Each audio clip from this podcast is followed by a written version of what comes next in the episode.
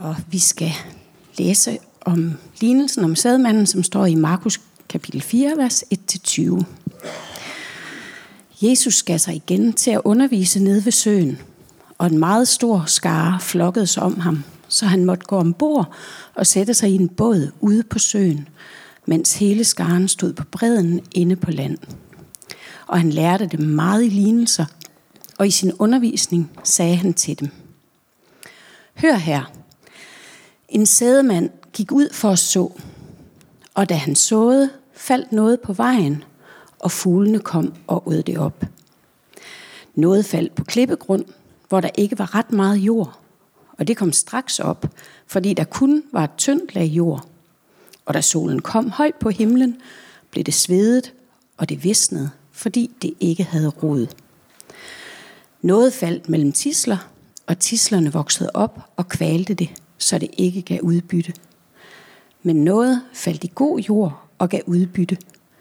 Det voksede op og groede, og noget bare 30, og noget 60, og noget 100 folk. Og han sagde, den, der har ører at høre med, skal høre. Da han var blevet alene med sine ledsager og de 12, spurgte de ham, ham om lignelserne, og han svarede dem, til jer er Guds riges hemmelighed givet, men til dem, men til dem udenfor kommer alt i lignelser, for at de skal se og se, men intet forstå. De skal høre og høre, men intet fatte, for at de ikke skal vende om og få tilgivelse.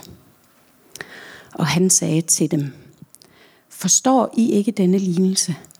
Hvordan skal I så kunne forstå de andre lignelser? Sædemanden så ordet. Med dem på vejen, hvor ordet sås, er det sådan, at når de har hørt det, kommer Satan straks og tager det ord bort, der er sået i dem.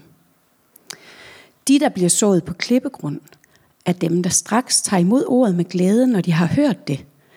Men de har ikke rod i sig. De holder kun ud en tid, så når der kommer trængsler eller forfølgelse på grund af ordet, falder de straks fra. Andre er dem, der bliver sået mellem tislerne. Det er dem, som har hørt ordet, men denne verdens bekymringer og rigdommens blændværk og lyst til alt muligt andet kommer til og kvæler ordet, så det ikke bærer frugt. Men de, der bliver sået i den gode jord, det er dem, der hører ordet og tager imod det og bærer frugt 30 og 60 og 100 folk.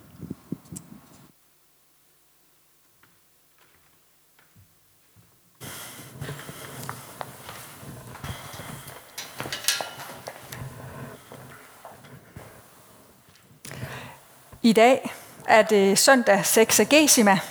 Det ved I nok godt alle sammen. Det er der, vi er i kirkeåret. Og det betyder, at der er 60, eller sådan cirka 60 dage til påske. Så i dag og sidste søndag danner sådan en overgang fra Hellig Tre Kongers tid og åbenbaringens tid, og så til fastetiden og det her med, at vi nærmer os påske. Og, øh, og det siger jo noget om, hvor stor, hvor vigtig påsken er og har været det altid. Det er simpelthen sexagesima i dag. 60 dage cirka til påske. Så øhm, vi tæller ned, og vi forbereder os stille og roligt på, at påsken nærmer sig. Og det vil sige, at vi går ind i en tid, der kalder på eftertænksomhed, på forberedelse, på at vente tålmodigt på, at Gud gør noget stort. Ligesom man venter, når man har sået noget. Det kan være derhjemme i, i øh, køkkenet, at man har nogle små urtepotter, eller ude i haven, at man sår noget, og så går man og venter og venter. Og så må man bare se, hvad det er, der vokser op, og hvor meget frugt det bærer. Både den her tid op mod påske og det billede, vi hører om i dag, siger altså noget om det der med at vente. Og det, at øh, der sker sådan et eller andet med de der små frø, man, man sår, og så, ja, så vokser det, men, men hvordan sker det, og hvad er det for noget med den der usynlige vækst? Vækstens hemmelighed er på spil. Men der er også noget smerteligt forbundet med det, vi hører om, at Der er meget, vi ikke er herre over. Der er meget, vi ikke kan styre. Der er meget, vi ikke har kontrol over i vores menneskeliv. Det der med at vente på noget, det, det handler om at give sig hen. At have håb. At have tillid. At stole på, at der er noget, der er nogen, der er en, der er større end os selv. Og det vi lige går og ser med vores øjne. At vi nær tillid, at vi regner med, at vi sætter vores lid til noget, der er større end os selv. Og det kan nogle gange gøre ondt sådan at gå og vente, at længes og håbe, og vi er i en tid, der godt kan være smertefuld for nogen, mørket, kulden, vinteren, at vi går længe, så vi håber på lys, vi håber på lysere tider, vi håber på forår, vi længes efter forår og lys, vi længes efter opstandelse. Også opstandelse inde i os. Vi venter på, at der er noget, der vokser op der, hvor vi synes, at vi har sået noget. Måske der, hvor man har bedt og bedt i dage, uger, måneder, overvis, og vi går og venter på bøndesvar. Måske venter vi på helbredelse. Jeg har nogle gange været på sygehus Syd, særligt for at besøge nogle mennesker, der er i den yderste nød, og som har måttet sande, at de har mistet kontrollen over livet, som nogen beskriver det. Kan godt sidde og tænke, havde du egentlig kontrollen over livet på et tidspunkt? Men det er sådan, det føles, at man mister kontrollen over, over livet, og at de ikke har nogen som helst magt over den situation, de er havnet i, at de er der på sygehuset, har måske mistet deres førlighed, kroppen har sagt stop, den vil ikke mere, og de må enten besinde sig på, at de snart skal dø, eller at de måske kan leve videre, men, men uden at have den fulde førlighed. Særligt en af dem, som var uhelbredeligt syg og som bare ventede på at dø, sagde, at han gerne ville snakke og høre om Gud, for han kendte ham ikke. Sådan sagde han efter, at han havde fortalt mig sin livshistorie. Og så bad vi sammen, og så kiggede jeg på ham med overbevisning i mine øjne og mit sind, og så sagde jeg nogle ord til ham. Jeg sagde, Gud kender dig, Gud ser dig, og han lytter til dig, og han vil give dig sin fred. Og så løb tårerne ned ad kinderne, og der faldt faktisk en fred over ham. Guds fred. Men så skete der det bagefter med mig, at tvivlen den kom og nagede i mig. Jeg kom til at tænke på, om jeg godt måtte være så tydelig over for den her mand. Om jeg i så tydelige vendinger godt måtte sige til ham, at Gud kender dig, han ser dig, han elsker dig. Var det nu også i orden, at jeg sådan var så gavmild på hans vegne? Og det kom jeg til at tænke på, da jeg genlæste lignelsen om sædemanden, der spreder frøene ud på marken. Så gavmildt, så øsselt, at mange af frøene, de, de falder på stenjord, de falder på klippegrund. Han går simpelthen og strøger lalle glad omkring sig med noget yderst kostbart, noget der kan blive til liv, noget der kan blive til føde.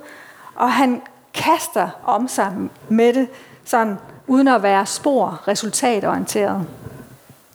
Det er ikke med millimeterdemokrati, der bliver sået. Og det er ikke ud fra en tankegang, at man sådan lige kan regne ud præcis, hvor der skal lægges 100 frø, og hvor der skal lægges bare 10 frø, for at der kommer noget op. Nej, der kastes øsselt og gavmildt ud over markerne af sædemanden, som er et billede på Gud. Det er Gud, der gør det store arbejde. Det er Gud, der gør det. Det er ved Guds kraft, at væksten også kommer. Det er Gud, der giver væksten. Det er ham, der strører, og det er ham, der giver væksten. Og så tænker jeg bare, hvad kan vi så gøre? Ja. Og så vil jeg gerne læse nogle ord fra Esajas, som siger, Esajas siger, søg Herren, kald på Herren, for jeres planer er ikke mine planer, og jeres veje er ikke mine veje, siger Herren. For så højt som himlene er over jorden, er mine veje højt over jeres veje, og mine planer over jeres planer. For som regnen og sneen falder fra himlen og ikke vender tilbage dertil, men væder jorden, befrugter den og får den til at spire, sådan er mit ord. Sådan er mit ord, som udgår af min mund. Det vender ikke virkningsløst tilbage til mig, men det gør min vilje og udfører mit ærne. Vi kan og skal ikke gøre så meget. Og vi skal i hvert fald ikke tage ansvar for ting, der ikke er vores ansvar. Vi skal søge Herren, vi skal kalde på Herren, og vi skal hvile i, at han er den store sædemand. Han er den generøse giver. Hans veje er så meget større end vores. Det betyder ikke, at, at vi bare går de forkerte veje, men det betyder, at vi ikke vi kommer aldrig nogensinde til at kunne udgrunde, kunne forstå Gud og hans veje fuldstændig. Han, han er meget mere stor og vis, end, end vi er, og end vi nogensinde kommer til at forstå. Vi kommer kun til at forstå ham i glimt. Han er meget mere generøs og gavmild med sig selv og med sit ord, end vi overhovedet kan forestille os.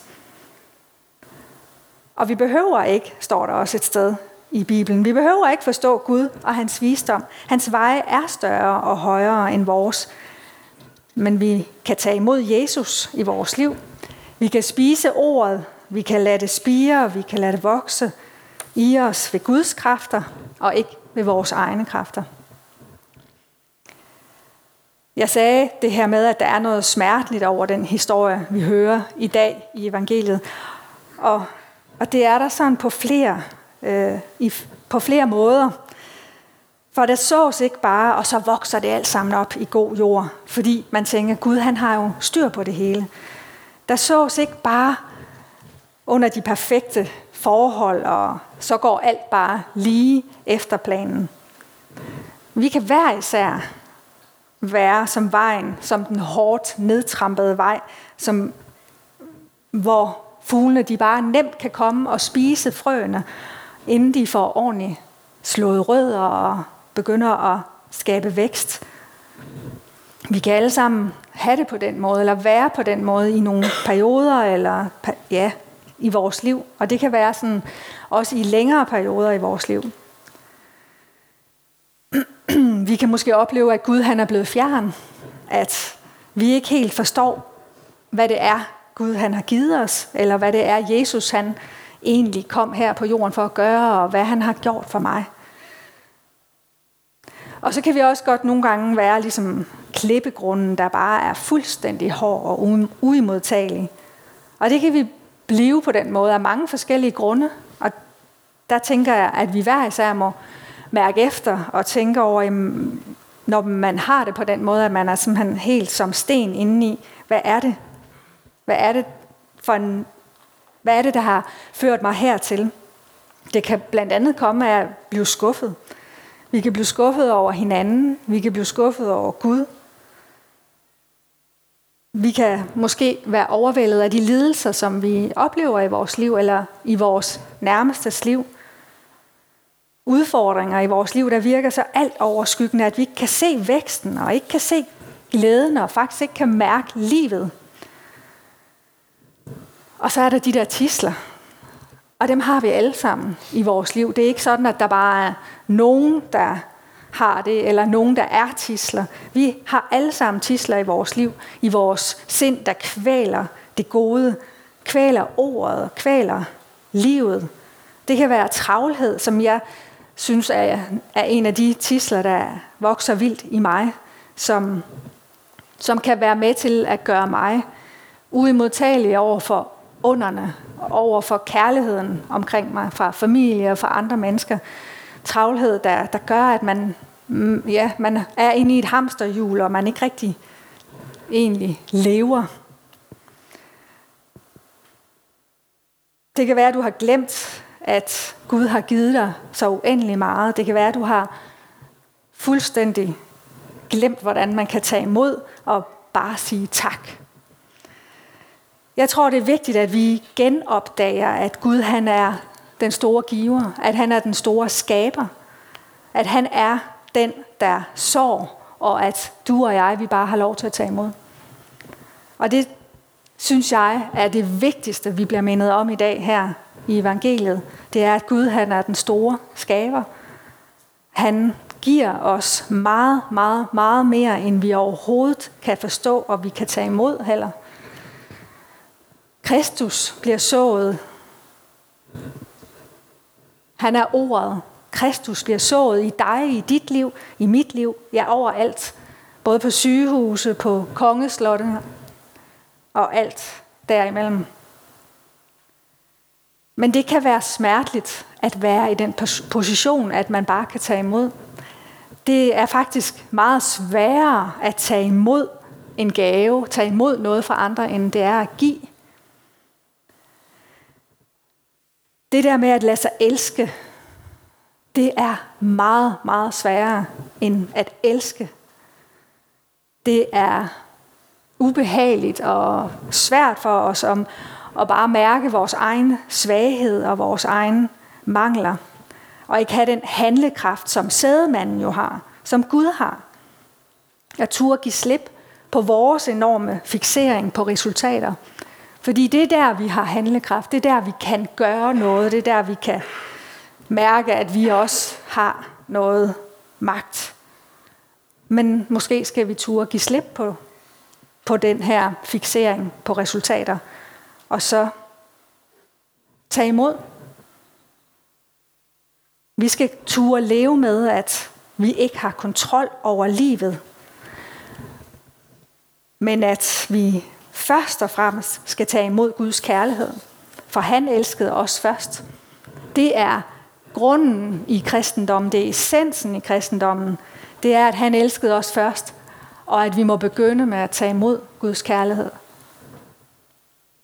Og det skal vi gøre resten af livet. Hver eneste dag skal vi tage imod Guds kærlighed og Guds nåde. Den er ny hver en morgen. Det er hele Bibelen fyldt med udsagn om, og med bevis på, og med, ja, fyldt med historier, der fortæller os. Det er det centrale i evangeliet i dag. Det er, at Gud han er en generøs giver. At Gud er kærlighed. Og den største kærlighed, den kærlighed, som, som Gud er, den kærlighed, han har, den er øssel. Vi har også kærligheden. Vi har også mulighed for at være øsle. Men vi er nødt til først at tage imod, og først igen og igen blive overvældet over, hvor øssel Gud er, hvor øssel Guds kærlighed er. Sædekornet, der falder ned i frugtbare jord. Det er godt, men sædekornet falder også ned i livets umuligheder, i, i vores livs umuligheder. Og sådan er det. Nogle gange er vi på den ene måde, og nogle gange er vi på den anden måde. Men det er kernen i evangeliet, i Kristus, i Gud, det er det øsle evangelium, der sås overalt. Det er det, jeg håber, vi må tage med os hjem, det er, at det sås overalt. Gud har givet os ordet, Gud har givet os Kristus. Og i den påske, som vi er på vej hen imod, der giver Kristus sig øsselt og fuldstændigt hen for os. Alt får vi givet. Livet får vi givet og frelsen. Og derfor har vi så meget at takke for. Vi har så meget at sige tak for. Derfor kan vi leve. Og vi kan også leve uden tunge skuldre og tunge byrder på skuldrene, der skal... Ja, vi behøver ikke at bære al vores lidelse. Vi behøver ikke at bære alle andres lidelse med. For Kristus, han går med os i selvhengivelse, og han bærer med på vores byrder. Han er den, der skaber liv og vækst i os og i vores liv. Han er den, der sår og den, der vander. Og mit håb og min bøn for i dag, det er, at vi må tage imod.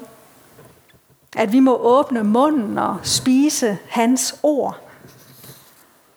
At vi må åbne munden og spise brødet og vinen, der gives os i nadvaren.